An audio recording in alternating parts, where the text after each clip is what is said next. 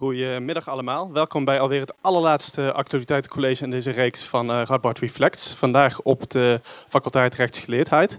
Radboud Reflects is de voortzetting van het Soeterbeek-programma en Centrum voor Ethiek. En wij, uh, wij, organiseren programma's met verdiepende perspectieven op grote maatschappelijke en wetenschappelijke vraagstukken van onze tijd. Onze activiteiten zijn altijd gratis toegankelijk voor studenten en medewerkers van de faculteit. Dus voel je welkom als je een keer wil komen bezoeken of kijken op onze website.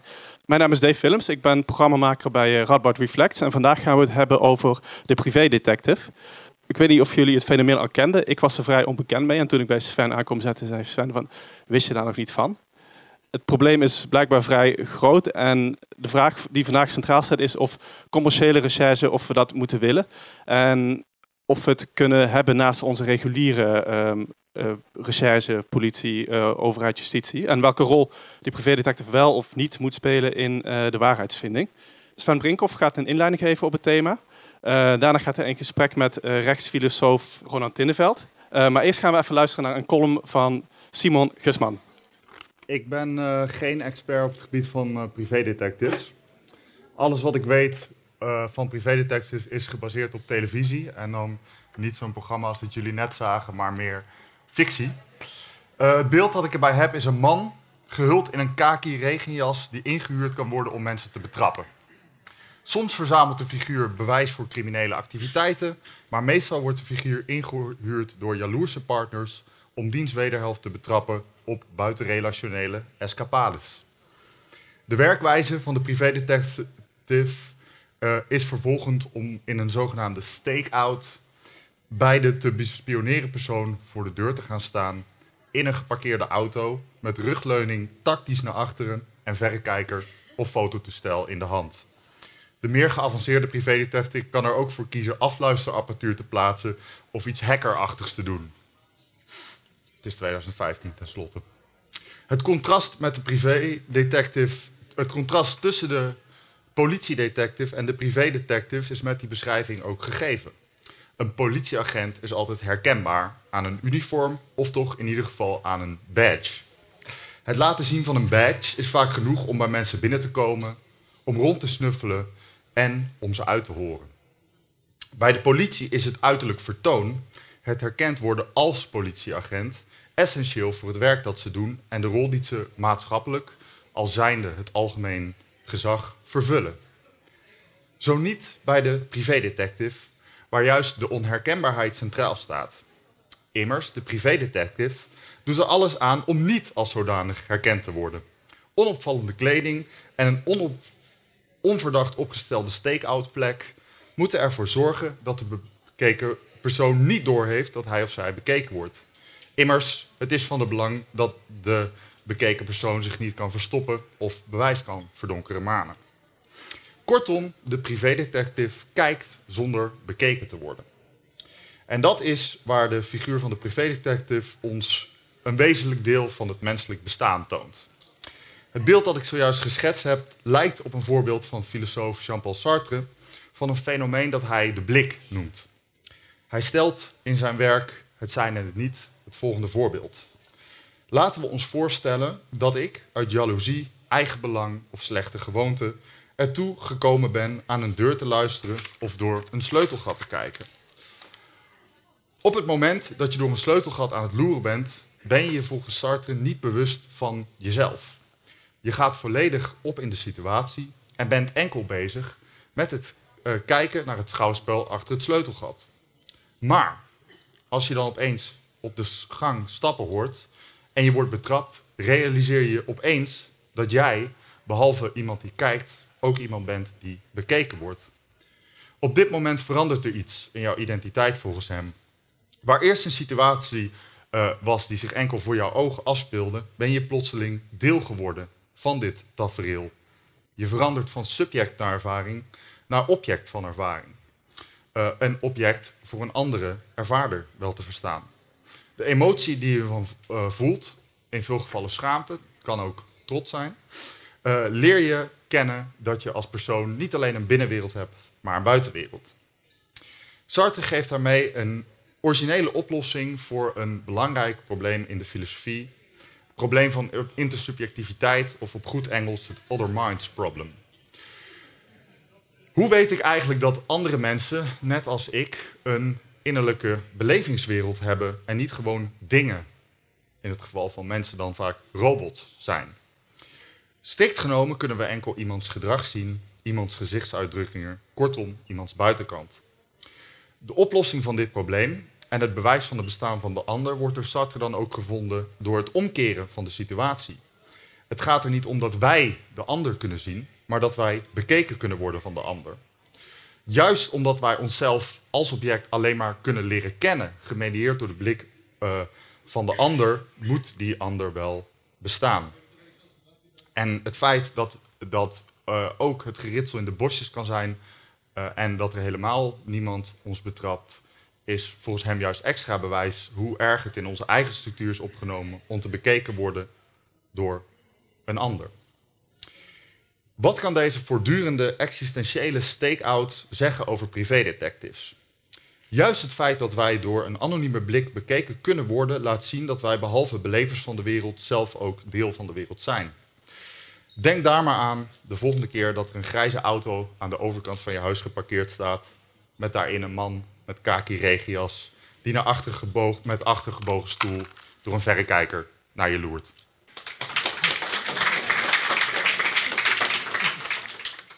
Mijn naam is Sven Brinkhoff, ik werk hier op de faculteit. En mij is gevraagd um, wat te vertellen over die privédetective. En ik wilde eigenlijk gelijk maar aanhaken bij wat op het bord staat. Is rechtvaardigheid nou te koop? Nou, ik, mijn antwoord moet eigenlijk zijn, in Nederland anno 2015 voor een groot deel wel. Voor een groot deel wel, omdat iedereen eigenlijk zo'n privédetective kan inhuren en hem van alles en nog wat kan laten onderzoeken. Nou, in de komende korte tijd die mij gegeven is, zal ik jullie meenemen op reis naar de privédetective. Aangeven dat we daar veel van hebben in Nederland. Dat er wel wat controle op bestaat, maar dat die controle eigenlijk niks voorstelt. Dat is in de kern mijn verhaal. De privédetective, ook wel de particuliere recherche, daar praten we over. In Nederland anno 2015 bestaan er honderden van. En um, wat zij doen in de kern is opsporingswerk, wat de politie normaal gesproken ook doet, ook doen, maar nu dan tegen betaling. En veelal zijn die particuliere rechercheurs ook oud-politieagenten, dus dat maakt het nog makkelijker voor ze. Zij kennen de kneepjes van het vak, weten ook precies hoe je onderzoek doet. Particulier rechercheur is dus iemand die tegen betaling onderzoek doet naar alimentatie, naar verduistering en dienstbetrekking, naar loverboys, Tegenwoordig is het zo gek niet, uh, kan je het zo gek niet bedenken waar er allemaal onderzoek naar wordt gedaan. Als de klant maar betaalt, dan zal de privédetective er onderzoek naar doen. Even de koppeling maken naar uh, hoe dat normaal gaat bij de politie en, en het OM, dus de vervolgende instanties in Nederland. Als, dat, als zij dat willen, als zij middelen willen inzetten om onderzoek te doen, denk aan een observatie, denk aan een telefoontap, denk aan het interview of het verhoren van iemand. In veel gevallen kan de politie dat niet zelf doen. In veel gevallen hebben ze daar de officier van justitie voor nodig om daar een bevel toe te geven. Of zelfs een rechtercommissaris, een onderzoeksrechter, die zegt: ja, dit mag je doen. Nou, dat hele palet ontbreekt volledig bij de privédetective. Die kan gewoon zeggen, zijn geld innen van de klant en aan de slag gaan. Zijn het er nou veel? Ja, het zijn er veel. Zoals ik al zei, er zijn er een aantal honderd geregistreerd in Nederland. Maar er bestaan er ook nog heel veel meer. En we weten niet hoeveel dat zijn. Die niet geregistreerd zijn, maar die wel werkzaam zijn als privé-detective. Nou, dat is een beetje het veld. Uh, nu komend op de controle. Wordt dit nou gecontroleerd? Want zoals een beetje uit die inleiding van mij bleek, ze kunnen veel, ze gaan ver in hoe ze informatie verzamelen. Dan zou je ook verwachten dat daar controle op is. Maar dat is toch een beetje een gekke, want controle is normaal uit, wordt normaal uitgeoefend op met name de overheid. De politie wordt gecontroleerd door de rechter, door de officier van justitie. Die particuliere rechercheur, daar is ook wel wat controle op, in ieder geval in de wet. Drie vormen wil ik met jullie bespreken. Allereerst, er is een vergunningplicht. Een particulier rechercheur mag pas aan de slag als hij een vergunning heeft van het ministerie van Justitie. Nou, daar wordt gekeken wie er werkzaam willen zijn, wat ze willen doen, of er geen strafbad bestaat. Dus op zich lijkt dat mooi. Ga je kijken naar de praktijk, dan blijkt dat heel veel van dit soort bureaus gewoon werken zonder vergunning, feitelijk illegaal. Dus dat is al een eerste controlemechanisme wat feitelijk niets oplevert. Dan de tweede vorm van controle, omdat je toch wil, op een of andere manier wil je deze sector een beetje beteugelen. Je voelt wel aan, ze kunnen ver gaan, want er is geen rem op, dus je wil het beteugelen. Nou, dat heeft de wetgever ook zo bedacht en ook overgelaten aan de sector, want ze willen zogenaamde sectornormering. Ze willen dat de sector zichzelf normeert. En hoe heeft deze sector dat dan gedaan? Die heeft dat gedaan door een privacy-gedragscode te ontwikkelen, waarin per manier van informatieverzameling, of dat nou een observatie is, of het interview van iemand of een telefoontap, worden regels gegeven hoe je dat moet doen. Maar kijken we weer naar hoe dat in de praktijk wordt vormgegeven, dan blijkt dat heel veel van die bureaus zich daar totaal niet aan houden.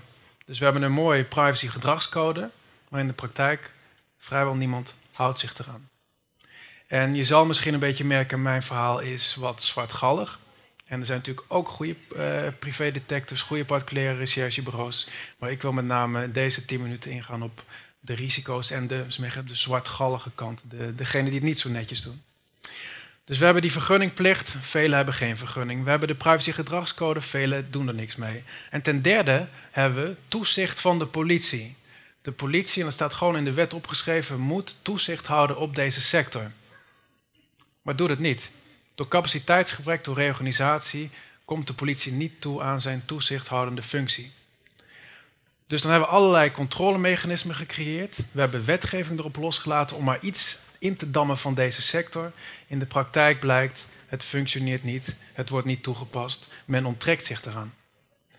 De vervolgvraag die we onszelf dan moeten stellen, is dat problematisch? Is het problematisch dat zo'n particulier regisseur, wat feitelijk ook gewoon een burger is, dat hij onderzoek doet naar een andere burger en dat daar kennelijk allerlei controlemechanismen op zijn, maar die functioneren niet. Is dat erg? Nou ja, dat is erg. Om meerdere redenen. Laat ik beginnen met waarom dit erg is uh, in de manier van informatieverzameling. De informatie kan namelijk onbetrouwbaar zijn. De, de manier waarop informatie wordt verzameld en wat daaruit komt, hoe het wordt opgeschreven, hoeft niet per se de waarheid te zijn want die particuliere regisseur heeft helemaal niet de waarheidsvinding in zijn achterhoofd. Die wil gewoon zijn klant tevreden stellen. Dus de waarheidsvinding niet centraal bij de particuliere regisseur, wel bij de politie. Dus dat is één punt waarom we dit erg moeten vinden. Er kan onbetrouwbare informatie uit kunnen.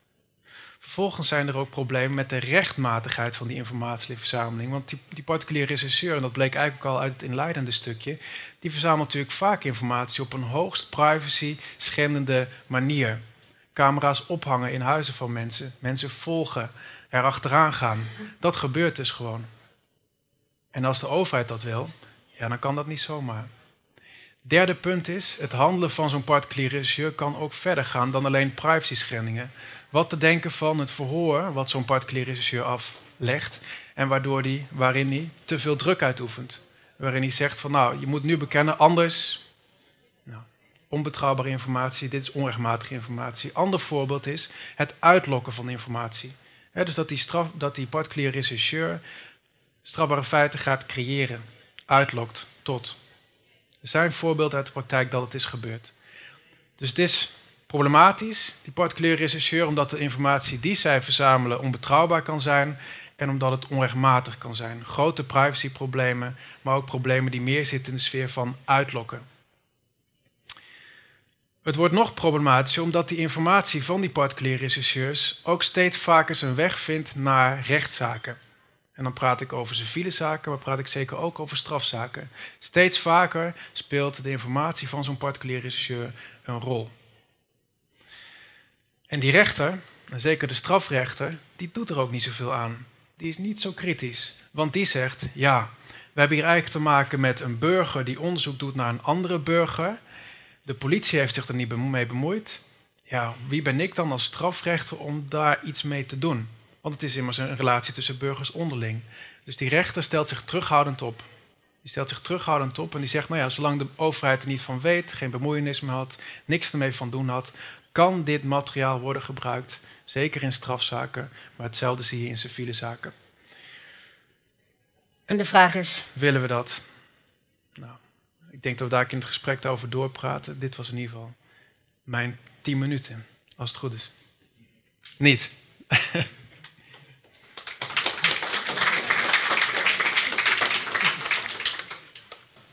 Sven, dankjewel. Dit is een zeer interessant thema. En misschien is het handig om een stap terug te doen. Dus je hebt gesproken over controle, gezegd controle, gezegd toezicht. Misschien kunnen we beginnen met een zaak. Kun je misschien een voorbeeld geven van een zaak waar het mis is gelopen? Waar we hebben gezien dat uh, uiteindelijk dat werk van zo'n particulier recherchebureau op een onwenselijke manier gebeurt. Ja, dus ze zaten al een beetje verstopt voor degenen die hier vroeg waren. Ze zaten verstopt in uh, de brandpuntuitzendingen. Dus dat de camera's waren opgehangen in privéruimtes van mensen. De overheid zou dat niet snel mogen. Maar we hebben ook uit het strafrechtelijk verleden hebben we ook zaken gehad waarin bijvoorbeeld is een bekende Visa-kaartzaak, waarin de afdeling kaartacceptatie van Visa-kaart mensen aanzetten tot inbraak en op allerlei andere manieren echt ver de grenzen van de privacy overschreed. Uiteindelijk ook in die zaak heeft de Hoge Raad daar niet veel mee gedaan. Dus er zijn her en der wel voorbeelden waarin, waarin het echt fout is gegaan. Ja. Met name op het punt van privacy. Oké, dus ik wil daar dadelijk misschien verder op ingaan, op dat uh, stuk van controle op het handelen van die particuliere regisseurs en op uh, de, de correctheid van de verzamelde informatie. Maar je begon eigenlijk je voordracht met te zeggen, is rechtvaardigheid te koop? En je zei van een groot gedeelte wel. En we kunnen natuurlijk ook de vraag stellen, is dat een probleem? We hebben de uh, Valkenburgse zedenzaak gehad, waarbij de zaak aan het rollen is gekomen juist door een particuliere regisseur. Waarom moeten we het problematisch vinden dat soms rechtvaardigheid te koop is? Nou, dat klopt. Ik, ik zei al, ik schets een zwartgallig beeld. Hè. We moeten ook, zeker met dit weer, moeten we ook de zonnige kant laten zien. De zonnige kant is dat wat die particuliere regisseurs doen, ook echt wel bruikbare informatie kan opleveren in strafzaken of in andere rechtszaken. Dat is absoluut zo. En dat inderdaad dan dat meisje wordt gevonden terwijl de politie er niks mee doet, dat is alleen maar toe te juichen. Dus uh, dat is ook de positieve kant. Daarom pleit ik ook juist voor, we moeten dit niet afschaffen. We kunnen het niet eens afschaffen, want het is gewoon een, particuliere sector. We kunnen het niet afschaffen, we moeten het ermee doen, het groeit. Wat we dan wel kunnen doen is, zeker als rechter, wees nou wel kritisch op die informatie als het zich opdient in een strafzaak of in een andere zaak. Wees er kritisch op. Ga niet klakkeloos uit van dat het klopt. Ga ook niet klakkeloos ervan uit dat het allemaal rechtmatig is gegaan, hoe die uh, man of vrouw eraan is gekomen. Oké, en als we daar verder op doorgaan, hoe zou die controle op de informatie die ze aanbieden, dus die particuliere rechercheurs, hoe zou dat toezicht beter kunnen? Hoe kunnen we daar kritiek op uitoefenen? Hoe moet de politie dat doen? Het Openbaar Ministerie, de rechter, hoe moeten ze daarmee omgaan volgens u? Nou, het gekke is eigenlijk dat in Nederland hebben we als een van de weinige landen dit best goed geregeld. We hebben er een speciale wet voor geschreven, we hebben toezicht van de politie, ik heb het al aangehaald eerder vergunningplicht, eh, privacygedragscodes. Als je gewoon leest over dit thema, denk je van nou, dat zit wel snor. Alles is afgedekt. Maar feitelijk valt dat dus allemaal vies tegen. Dus wat je eigenlijk zou willen is niet nieuwe wetgeving of regels, maar gewoon wat er al ligt, echt effectueren. En aanvullend dan een kritische blik van de rechter, dan kom je al een heel eind. Maar het fenomeen aan zich valt niet meer te stoppen en ook eigenlijk niet meer klein te krijgen. En als we daar concreet verder over nadenken, hoe moet die rechter dat doen? Klinkt makkelijk natuurlijk, hè? kritischer kijken. Maar welke aanbevelingen zou je geven?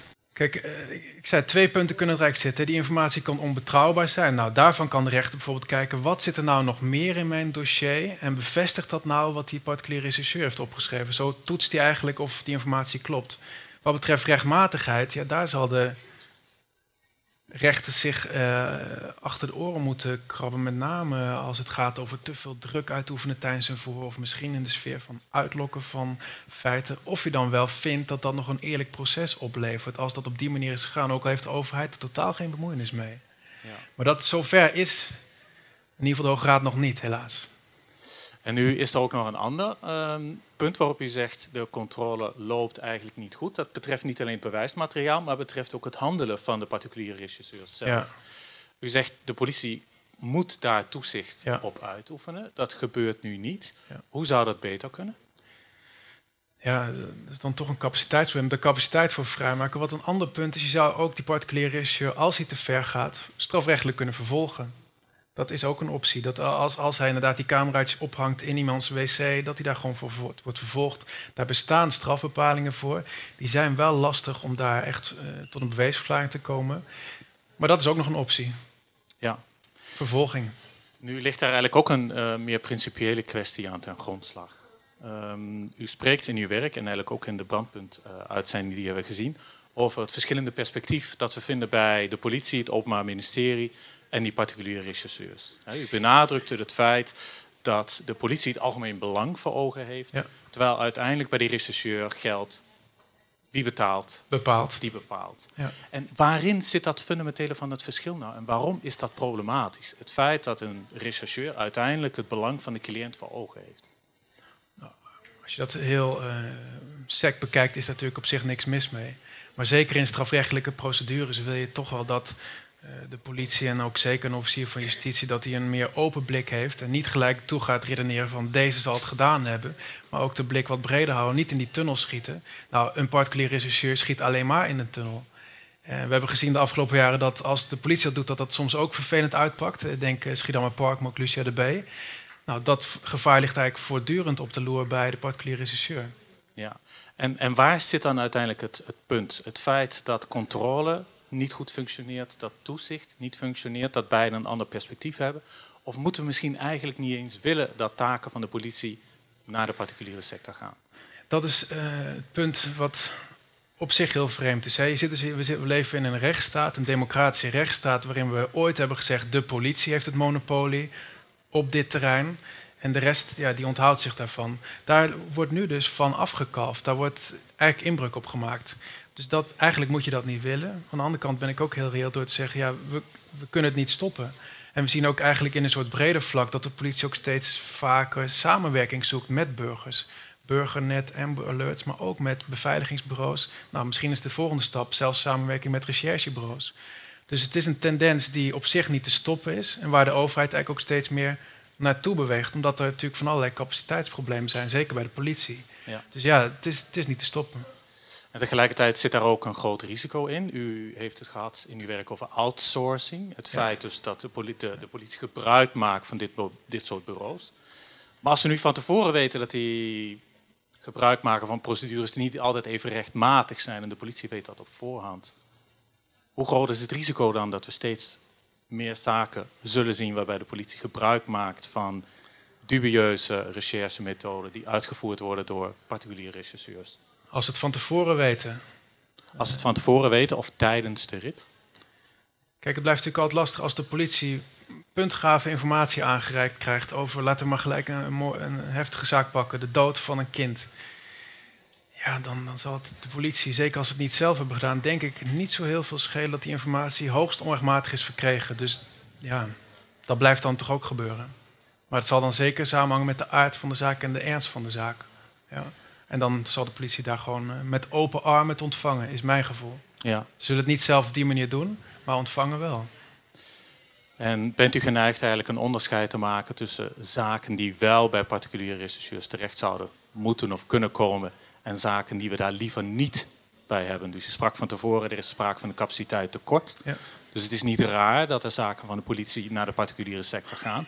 Maar als we daaraan differentiëren, is dat mogelijk om te zeggen, nou, er zijn bepaalde zaken, er is het echt wel wenselijk dat het gebeurt, en bepaalde zaken niet? Ja, het is meer een soort gewoonterecht. Van oudsher waren deze mensen altijd al actief binnen bijvoorbeeld verduistering en dienstbetrekking. hè. Dus de, de werknemer die, die steelt een pakje kauwgom van zijn baas.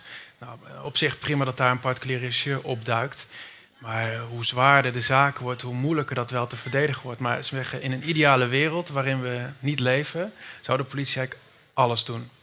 Maar daar leven we niet in, dus dat is ook gewoon geen realiteit. Maar dan, dan hebben we te doen met de realiteit die er wel is.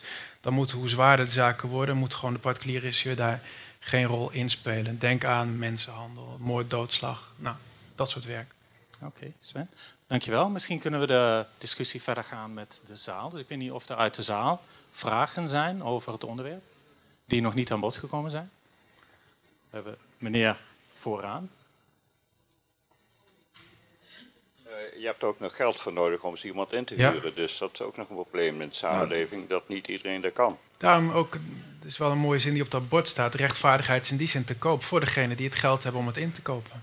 Absoluut. En als je het niet hebt, ja, dan is de particuliere ook niet een optie voor jou. Dan moet je je wenden tot de reguliere politie. Ja, en die heeft niet de capaciteit om alles op te pakken wat er binnenkomt. Dat is een realiteit. Hoe onwenselijk we het ook vinden, misschien. De meneer naast u. Ehm, zou je niet kunnen stellen dat de rechtvaardigheid niet te koop, maar de feitenonderzoek, feitenbevinding wel te kopen is? Dat, dat zeker. de rechtvaardigheidsvinding die in de rechtszaal plaatsvindt, hierbij eigenlijk tekortschiet in dit geval. Dat klopt. Daarom zei ik in het begin ook van, nou, het is niet helemaal zeker of echt rechtvaardigheid te koop is. Zeker de feiten zijn te koop.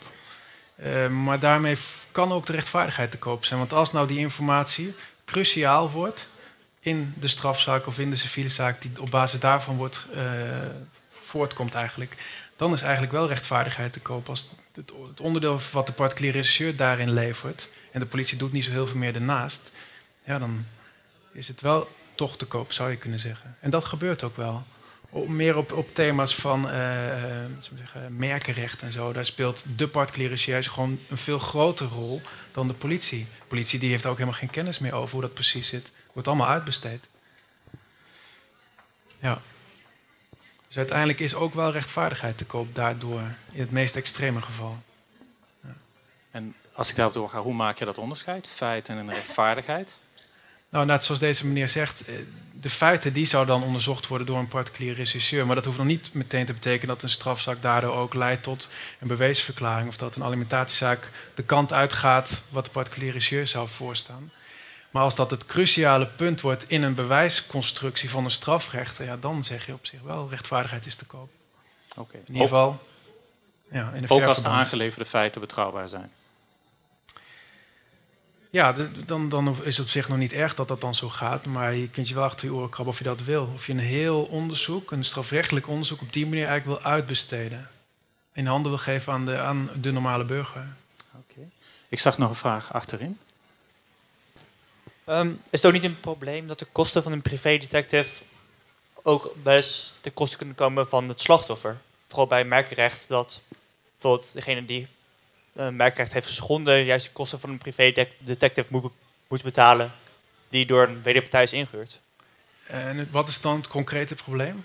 Uh, het concrete probleem is, ik uh, heb zelf wel eens meegemaakt, dat ik bij een rechtswinkel werk en dat er een cliënt naar ons toe kwam. En die moest 2000 euro betalen.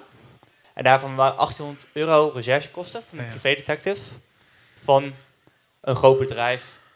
En die had dan vijf maar, foutieve onderboeken bij hem gevonden. Ja. Ja, dat is wel een mooi voorbeeld. Dat is eigenlijk een extra argument om die privédetective niet zo'n rol te willen geven in, in rechtszaken. Omdat er dan nog een extra prijskaartje op het slachtoffer wordt gelegd. De politie zal nooit een rekening overleggen, zelfs niet als je een valse aangifte doet. Dus dat is nog een extra argument inderdaad. Om dit niet te willen, zeker niet in rechtszaken, welke aard dan ook. De extra rekening voor het slachtoffer. Ja. ja. Er is nog een, een meneer achterin. Ja, u zegt net al dat de politie eigenlijk moet controleren en dat privédetectives ook um, nou ja, bepaalde uh, handelingen verrichten, dus wat grens aan uitlokking of ja. bepaalde, uh, bepaalde bevoegdheden gebruiken waar je eigenlijk eerst voor zou moeten toetsen. Maar zou het niet verstandig zijn om juist het handelen van een privédetective door het OM te laten toetsen? Dus bijvoorbeeld verplicht stelt ook een privédetective voordat hij een bepaalde actie verricht, dan ook een naar officier te laten gaan. officier te hebben. En daarnaast, op het moment dat uh, op deze manier verkregen bewijs gebruikt wordt in een strafzaak bijvoorbeeld, ook de privédetective verantwoording af te laten leggen van zijn handelen. Op die manier de controle aan te scherpen. Op zich een interessante gedachte, maar daarmee maak je de rol van de particulier nog groter. Dan wordt het eigenlijk een politieagent. Um, zo gauw kan ik niet, maar dit, dat gaat, ten eerste, dat gaat nooit gebeuren. Dat, dat is één ding. Um, nee, je, moet, je zou die officier daar niet mee moeten belasten om ook die controle te doen. Uh, kijk, de, de, politieagenten, laat ik dit erop zeggen. De politieagenten die leggen een eet af, hè, dat ze naar ere en geweten hun taak zullen volbrengen. Dat doet zo'n particulier rechercheur al niet. Dus dan zie je de situatie voor je dat een officier in een, in een kamertje zit met een particulier rechercheur. En dat die particulier rechercheur zegt, nou, ik wil een, een tapbevel, geef die even. Dan gaat, dan gaat hem gewoon nooit worden. Alleen vanwege die hele andere rol van die privédetective, die wil helemaal niet ook in de openbaarheid treden, die gaat helemaal niet naar die officier. Dus ik vind de gedachte interessant, maar dan maak je de rol van de privédetective eigenlijk nog groter. In principe zou je ook kunnen zeggen, als jij politieagentje wil spelen of rechercheurtje wil spelen, dan moet je ook houden aan dezelfde grenzen als die betreffende groep. Uh, ja, en die grenzen die zijn er op zich ook wel, maar die zijn dan in het wetboek van strafrecht gegeven. Daar zitten wel de grenzen. Maar ja, daar zeg ik dan weer van ja, die vervolgingen die komen niet voor. Dus er zijn wel grenzen, maar die zitten dan in de strafrechtelijke vervolgingen van. Die niet voorkomt, nauwelijks voorkomt. Ja. Um, een volgende vraag daarop. Um, als in plaats van alleen een vergunning een particuliere recherche het status van uh, bijvoorbeeld buitengewoon opsporingsambtenaar zou krijgen. Dat er een additionele kader eromheen wordt gezet. Mhm. Zou dat, denk jij, misstanden in die eh, sector helpen voorkomen? Nou, het is niet een tendens waar ik blij mee ben, maar je ziet die tendentie al komen. Je ziet bijvoorbeeld convenanten tussen politie en dit type bureaus. Nou, misschien is een vervolgstap inderdaad wel dat het gewoon uh, BOA's worden. Uh, dat kan. Dan dwing je daarmee misschien ook wat meer controle af. Dus op zich, misschien is daar iets voor te zeggen. Maar ik ben helemaal niet blij met die hele tendens. De politie doet gewoon strafrechtelijk onderzoek. En de rest blijft daar verre van. Ja, tenzij je toevallig uh, tegen een lijk uh, aanloopt op straat. Tuurlijk, dan meld je het. Oké, zijn er nog andere vragen uit de zaal? Dan denk ik dat we er doorheen zijn. Of het doet. Um, de privé maar de, wat ik goed begrijp, de privé detective is er. En eigenlijk moeten we er op een of andere manier toch, toch mee dealen. Want ja. um, wat, wat moet er veranderen? Hoe, hoe kunnen we dit goed integreren in, uh, in ons rechtssysteem? Ik denk het meeste resultaat, ik heb het al gezegd, maar ik zou toezicht politie, controle door rechter. Toezicht politie echt vormgeven. Dus dat, laten we zeggen, eens in de twee maanden de politie is gekeken naar wat heeft die regisseur gedaan, wat heeft hij opgeschreven en is dat allemaal wel in orde geweest. Dus dan, maar dat vergt enorm veel capaciteit. Dus, maar oké, in een ideale wereld zou het zo moeten gaan. Vervolgens die rechter die er heel kritisch op toetst en niet het simpelweg afdoet van ja, de overheid heeft zich er niet mee bemoeid en dus daarom klakkeloos kan dit een rol spelen. Daar moeten we eigenlijk van af. Die rechter moet meer centraal stellen, nou ja, wat is nou de aard van de eventuele onregelmatigheid die die particuliere regisseur heeft begaan? Hoe erg heeft hij die privacy geschonden? En moet dat leiden tot bijvoorbeeld bewijsuitsluiting of, of een andere sanctie? Die twee dingen. Ja. Oké, dankjewel. Dan denk ik dat we vanuit de zaal door de vragen heen zijn. Dan bedank ik jullie allemaal. Bedankt de spreker ook. En ik neem aan dat de organisatie nog. Nou, blijkbaar hebben we dus toch, uh, moeten we dus toch dealen met de privédetective. We moeten kijken hoe we dit goed kunnen integreren in ons uh, rechtssysteem. Sven, ik wil jou graag bedanken voor, jou, voor jouw lezing. En uh, Simon ook bedanken voor je column. En Ronald voor de gespreksleiding.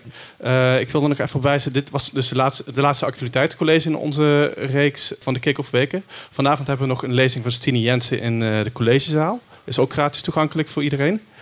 En voor de rest hebben wij genoeg interessante programma's dit najaar. Dus uh, kijk op www.ru.nl slash voor uh, meer informatie. En uh, voel je welkom. Dankjewel.